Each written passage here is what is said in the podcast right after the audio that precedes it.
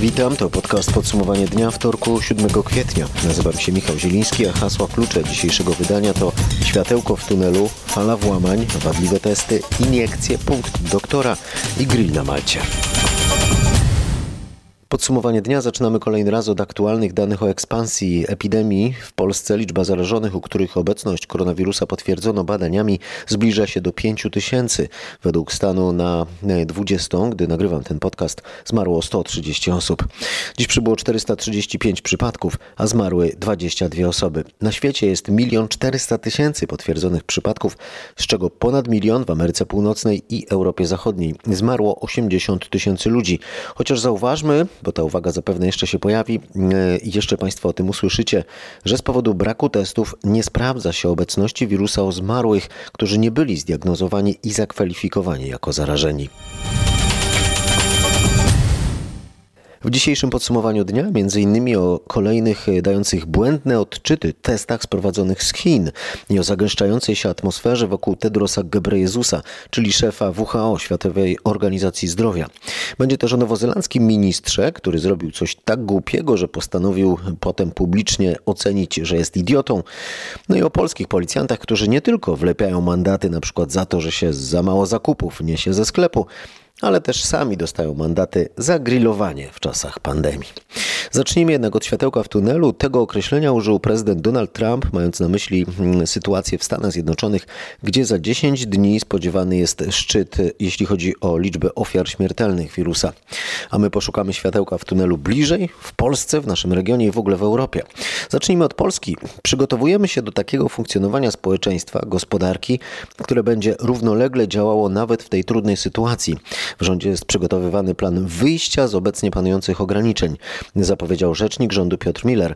Zastrzegł, że nie wie, bo jak mówił nikt nie wie, jak będzie się rozwijała sytuacja pandemiczna, ale wskazał na Austrię, która jako pierwszy kraj w naszym regionie zapowiedziała znoszenie ograniczeń. Kanclerz Sebastian Kurz rzeczywiście zapowiedział, że po świętach państwo zacznie wycofywać obostrzenia. Zastrzegł jednak, mm, to ciekawe, pod warunkiem, że Austriacy będą grzeczni, to znaczy subordynowani i mimo tej zapowiedzi nie zaczną łamać obowiązujących zakazów i nakazów. Pierwszy krok w tył już wykonają władze w Pradze. Co prawda tamtejszy parlament przedłużył dziś do 30 kwietnia obowiązujący od 12 marca w całym kraju stan wyjątkowy, ale od dziś Czesi mogą spacerować, biegać, jeździć na rowerach bez maseczek. Liczba nowych zakażeń u naszych południowych sąsiadów e, zaczyna spadać, o czym informuje Maciej Poachicki. Czechy najwcześniej ze wszystkich państw w regionie, bo już w połowie marca wprowadziły obowiązek noszenia maseczek ochronnych i gorąco namawiają do tego wszystkich sąsiadów. Maseczki można tam za darmo otrzymać w każdym sklepie czy aptece. Do tej pory zabronione było wychodzenie z domu bez zasłoniętych ust i nosa, a za złamanie tego zakazu groziły surowe kary. Wydaje się, że przynosi to pożądane efekty, bo od soboty liczba nowych zakażeń w Czechach nie rośnie. W związku z tym rząd postanowił nieco poluzować rygory epidemiczne i od dzisiaj można już uprawiać indywidualne sporty na świeżym powietrzu, poza miastami bieganie czy jazda na rowerze jest możliwe także bez maseczki na twarzy. Warunkiem jest utrzymywanie bezpiecznego odstępu od innych osób. O tym, że w Europie powoli może zacząć wracać sytuacja przypominająca nieco bardziej normalność, świadczy zapowiedź z Brukseli. E, unijne władze w czasie pandemii po raz kolejny dostosowują swoje działania do decyzji państw członkowskich. Tak było, kiedy Austria zamknęła granice z Włochami, kiedy Niemcy i Francja bez oglądania się na inne kraje zakazały wywozu maseczek, a teraz Unia pilnie będzie obmyślać wspólną politykę wychodzenia ze stanu lockdownu. Komisja Europejska jutro przedstawić ma unijną strategię wychodzenia z ograniczeń wprowadzanych przez e, kraje wspólnoty w związku z pandemią. Informuje o tym z unijnej stolicy Katarzyna Szymańska-Borgino. Austria i Dania już przekazały Komisji Europejskiej i pozostałym krajom Unii swoje plany wyjścia z kwarantanny, a Chorwacja i Niemcy także pracują nad taką strategią. Komisja Europejska nie chce więc zwlekać i jutro przedstawi swoją wizję skoordynowanego i całościowego wychodzenia z ograniczeń wprowadzanych przez kraje Unii w związku z koronawirusem. Komisja przedstawi swoje założenia w oparciu o dane naukowe. Będzie to strategia stopniowa i nie wszystkie kraje będą w tym samym czasie znosić ograniczenia. Chodzi jednak o to, żeby przedwczesne działania w jednym kraju nie wywołały zaburzeń w innym. W podsumowaniu dnia pozostajemy przy tym samym temacie, ale wracamy do kraju. Jarosław Gowin, lider porozumienia, który wczoraj odciął się od swoich kolegów z rządu, podając się do dymisji, dziś zaproponował możliwie szybki powrót do stanu, w którym gospodarka mogłaby normalnie, w miarę normalnie funkcjonować. I teraz znów pojawi się Donald Trump, bo Jarosław Gowin posłużył się wiednie czy bezwiednie cytatem z amerykańskiego prezydenta, oceniając, że przedłużanie obecnej fazy walki z epidemią może spowodować, że lekarstwo stanie się bardziej niebezpieczne niż choroba. Według lidera porozumienia druga faza walki z epidemią powinna polegać już na tym, że otacza się szczególną opieką i izolacją grupy najbardziej zagrożone, a więc seniorów i osoby z chorobami współistniejącymi. I teraz jeszcze cytat e, z programu Tweet mm, z Jarosława Gowina. Reszta z nas musi brać na siebie odbudowywanie Polski z gruzów. E, tarcza antykryzysowa, która ma pomóc przedsiębiorcom przetrwać czas zamrożenia gospodarki, mm, tymczasem rozszerza się. Zgodnie z naszymi wczorajszymi nieoficjalnymi informacjami, projekt rządu ma zwiększyć liczbę firm, które będą zwolnione z płacenia składek na ZUS w czasie epidemii. Według nowych przepisów na 50% ulgę w składkach na ZUS będą mogły liczyć firmy zatrudniające od 10 do 49 osób. Wcześniej ulgę wprowadzono dla firm zatrudniających do 9 osób. Propozycja, którą przedkładamy, zakłada z, zwolnienie 50% po stronie pracodawcy, 50% po stronie pracownika, a więc połowa takiego zwolnienia została tutaj przewidziana. Mówił minister Łukasz Schreiber. Opozycja podkreślała natomiast, że propozycje rządu są niewystarczające, a tarcza antykryzysowa dziurawa. Wracając jeszcze raz do Jarosława Gowina, ten polityk odszedł z rządu z hasłem sprzeciwu wobec pomysłu przeprowadzenia w maju wyborów prezydenckich w formie korespondencyjnej. Politycy wydają się tą sprawą być wciąż zajęci co najmniej w takim stopniu jak największym kryzysem w gospodarce i w zdrowiu od dziesięcioleci. Porozmawiajmy o prezydenckich wyborach korespondencyjnych w lipcu, zaproponował dziś wiceprzewodniczący Platformy Obywatelskiej Tomasz Siemoniak, który był gościem porannej rozmowy Roberta Mazurka w RMFFM. Wy uważacie, że powinien być wprowadzony stan, stan wyjątkowy, stan, stan nadzwyczajny, stan klęski żywiołowej, tak? Tak. Na premier mówi, mówi tak, wciąż nie uważam za konieczne wprowadzenia stanu klęski żywiołowej, choć mamy klęskę żywiołową. Jej wprowadzenie oznaczałoby bowiem przesunięcie wyborów.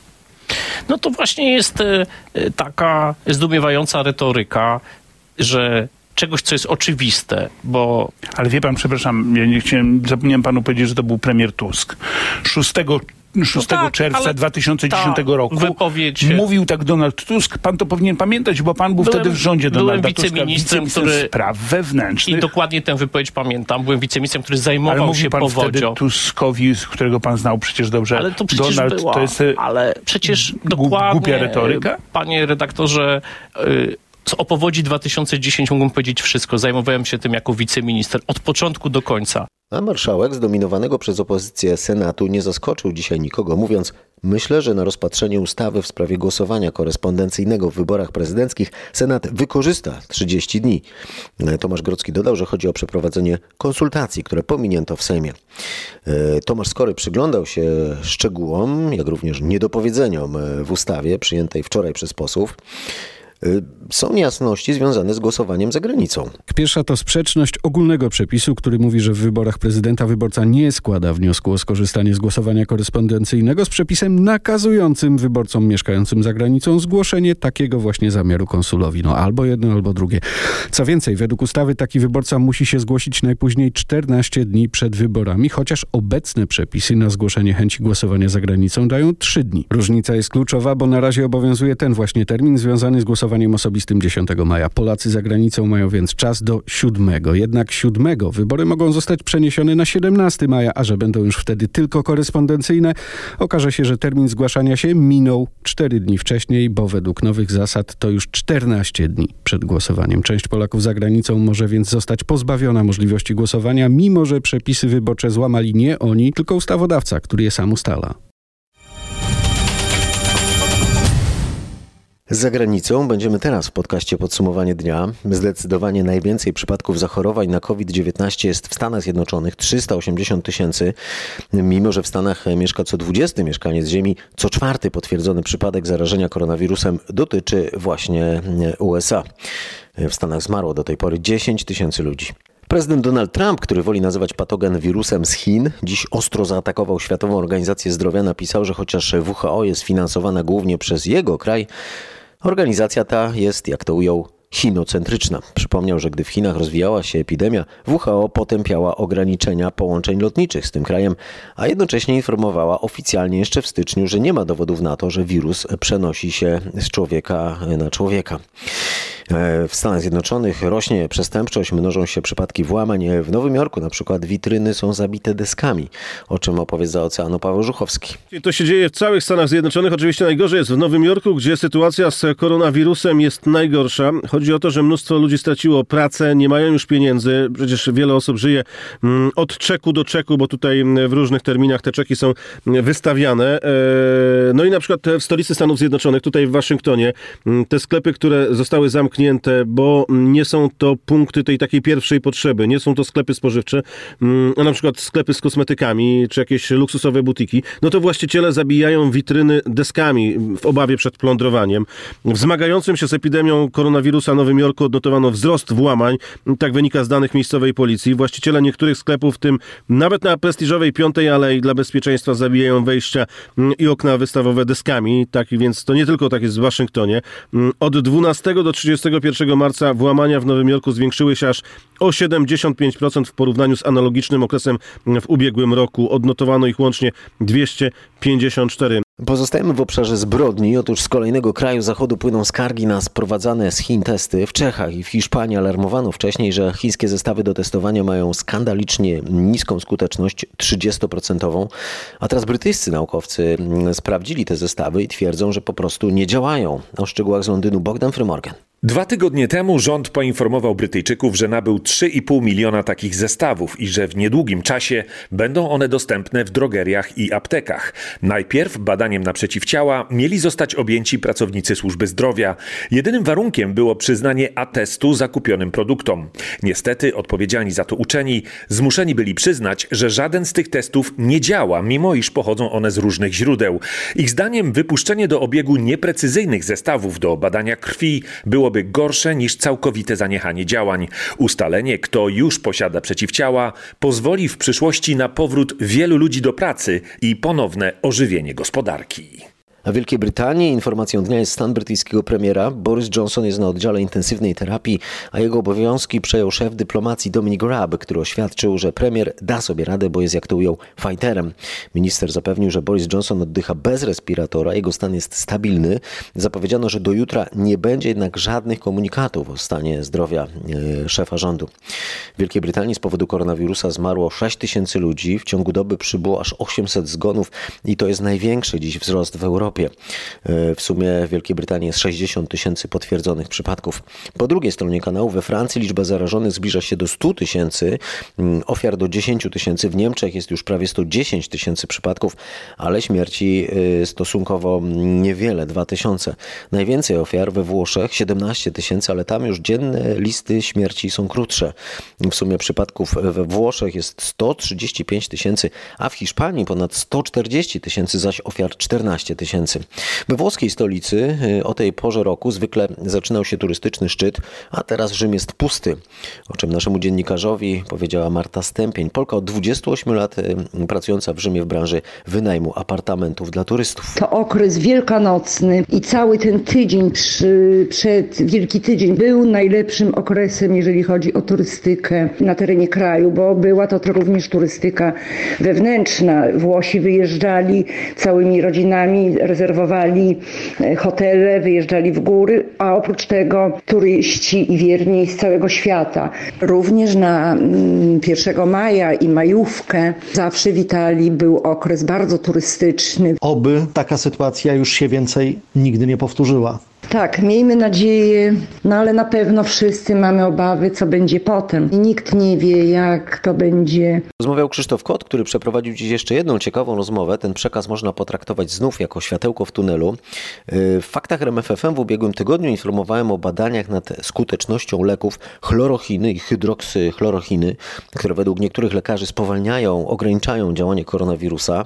Natomiast lekarze z Lublina poinformowali o sukcesie eksperymentalnej terapii nieujawnionym specjalnie specyfikiem, czy też mieszanką, która po tygodniu doprowadziła do dobrego stanu trójkę pacjentów, którzy w zeszłym tygodniu mieli być już nawet podłączeni do respiratora. Podano im dwie iniekcje, dwie dawki specyfików w zeszły wtorek i w środę, a dziś lekarze w Lublinie ogłosili powodzenie tego eksperymentu. Taką terapię próbowano już stosować m.in. w Chinach, w Hiszpanii we Włoszech, e, mówi profesor Krzysztof Tomasiewicz, szef Lubelskiej Kliniki Chorób Zakaźnych. Wy nie walczycie z samym wirusem, tylko próbujecie zablokować różne substancje, które powodują, że ten stan zapalny jest większy, przez co on jest bardziej, no, sieje większe spustoszenie w organizmie. Dokładnie tak. My nie jesteśmy tą metodą w stanie wyeliminować wirusa. Nawet y, wydaje nam się, że, przy, że przy, po, przy zastosowaniu tych leków może przejściowo dojść do wzrostu poziomu tej wiremii, ale to nie jest problemem. Problemem jest ta reakcja zapalna właśnie, dlatego że jeżeli zablokujemy tą reakcję zapalną, zapalną, to później z czasem organizm sobie z wirusem poradzi i, i go wyeliminuje. Natomiast najważniejsze jest uniknięcie konsekwencji zakażenia. Chodzi tutaj o tą grupę pacjentów, która ciężko przechodzi samo zakażenie. My nie walczymy, e, nie walczymy, nie, nie stosujemy tego leku u osób, które są bezobjawowe albo, albo te objawy są takie, powiedzmy sobie, niezbyt na, nasilone, bo, bo to tak naprawdę z punktu widzenia klinicznego nie stanowi problemu. Problem stanowią te ciężkie przypadki, które później niestety wyrażają się liczbą zgonów w przebiegu tej pandemii. Czyli ten stan zapalny się nie pogłębia, nie trzeba pacjentów podłączać do respiratorów, no i tak naprawdę czekać na cud. Tak, właśnie o to chodzi. Y, wszyscy trzej nasi pacjenci, którzy otrzymali tę terapię, byli praktycznie tuż przed decyzją o podłączeniu do respiratora, dlatego że pogłębiały się u nich, y, pogłębiał się u nich właśnie ten stan zapalny i dzięki zastosowaniu terapii, przynajmniej na dzień dzisiejszy, możemy śmiało powiedzieć, że uniknęli podłączenia do respiratora.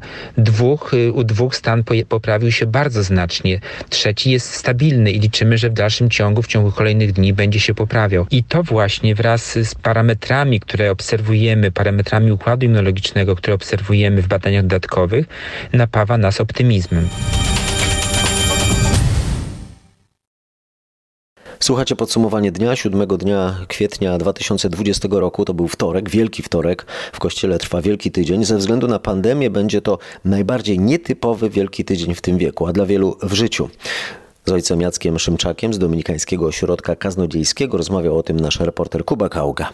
Czy to jest taki wielki tydzień, jakiego w ojca życiu nie było? Chyba po raz pierwszy mogę powiedzieć, że to rzeczywiście wielki tydzień, zupełnie inny od tych wszystkich innych wielkich tygodni. Ja się bardzo z takiego wielkiego tygodnia cieszę i sobie tak skrycie mówię, no wreszcie, bo wreszcie przestają istnieć e, te wszystkie rzeczy, które zasłaniały także mi e, święta, te różne aktywności, które mi zasłaniały święta i także ja jako, jako osoba duchowna, jako zakonnik mogę zadać sobie pytanie w ogóle o co o co w tych świętach, o co w tym wielkim tygodniu chodzi. To ja zaraz ojca będę o to pytał, o co chodzi w tym wielkim tygodniu trwającym już, ale powiedział ojciec, że się cieszy. Czym tu się cieszyć, zapytam, bo mm, świątynie będą chyba jednak puste. Świąt w sensie przeżywania liturgii, takich, y, do jakich być może jesteśmy przyzwyczajeni w ciągu Triduum Paschalnego i w ogóle Wielkiego Tygodnia, no nie będzie, więc skąd ta radość? Właśnie ta radość chyba wynika z tego, że pozbywamy się tych wszystkich ornamentów, które nam zasłoniły fundament.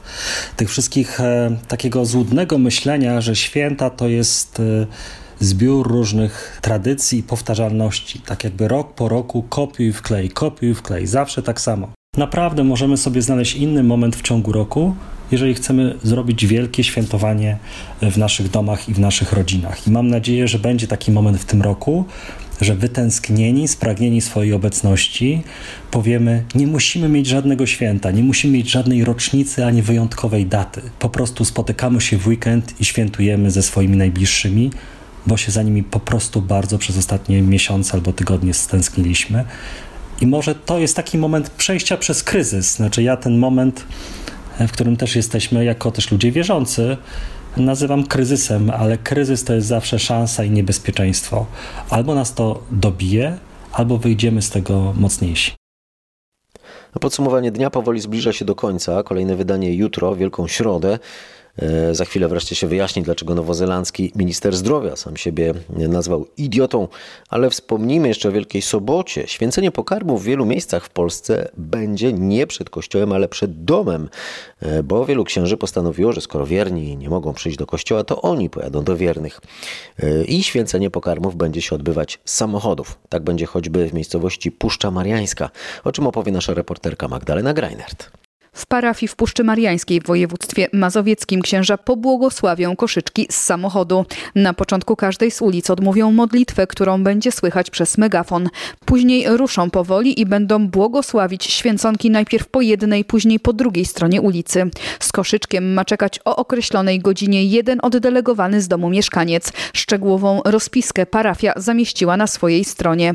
Inny pomysł ma ksiądz Adam Kwaśniak z parafii świętego Józefa w Skierniewicach. Będzie święconka pokarmów metodą świętego Krzysztofa. Będzie można przejechać samochodem przez teren przy kościele, bez e, zatorów, bez kolejek. Im bliżej świąt, tym więcej pojawia się takich inicjatyw, oby były zgodne z obowiązującymi nas wszystkich obostrzeniami. Tyle o pomysłach księży z Mazowsza, a na koniec o tym, co wymyślił nowozelandczyk David Clark. Wyrwał się z domu i pojechał z rodziną na plażę. Tak się składa jednak, że pan Clark jest ministrem zdrowia Nowej Zelandii. Dopuścił się zatem złamania zakazu, który sam ustanowił. Minister pokajał się, nazwał się publicznie idiotą i podał do dymisji, ale nadal ma pełnić e, swoją funkcję, ma dbać o bezpieczeństwo zdrowotne obywateli, bo w czasie kryzysu najwyraźniej jego stanowisko mm, nie jest e, zbyt pożądane. A to nie ostatnia zadziwiająca okoliczność tej historii. Plaża, na którą David Clark zabrał rodzinę, nazywa się Doctor's Point, czyli punkt lekarza. Z ministrem z antypodów mogą się równać chyba tylko polscy policjanci z Poznania, ośmiu funkcjonariuszy, którzy umówili się na grilla na terenach zielonych na poznańskiej Malcie. Zostali zdekonspirowani, wszczęto wobec nich postępowanie dyscyplinarne, zostali również ukarani mandatami. To wszystko dziś. Życzę zdrowia i do usłyszenia.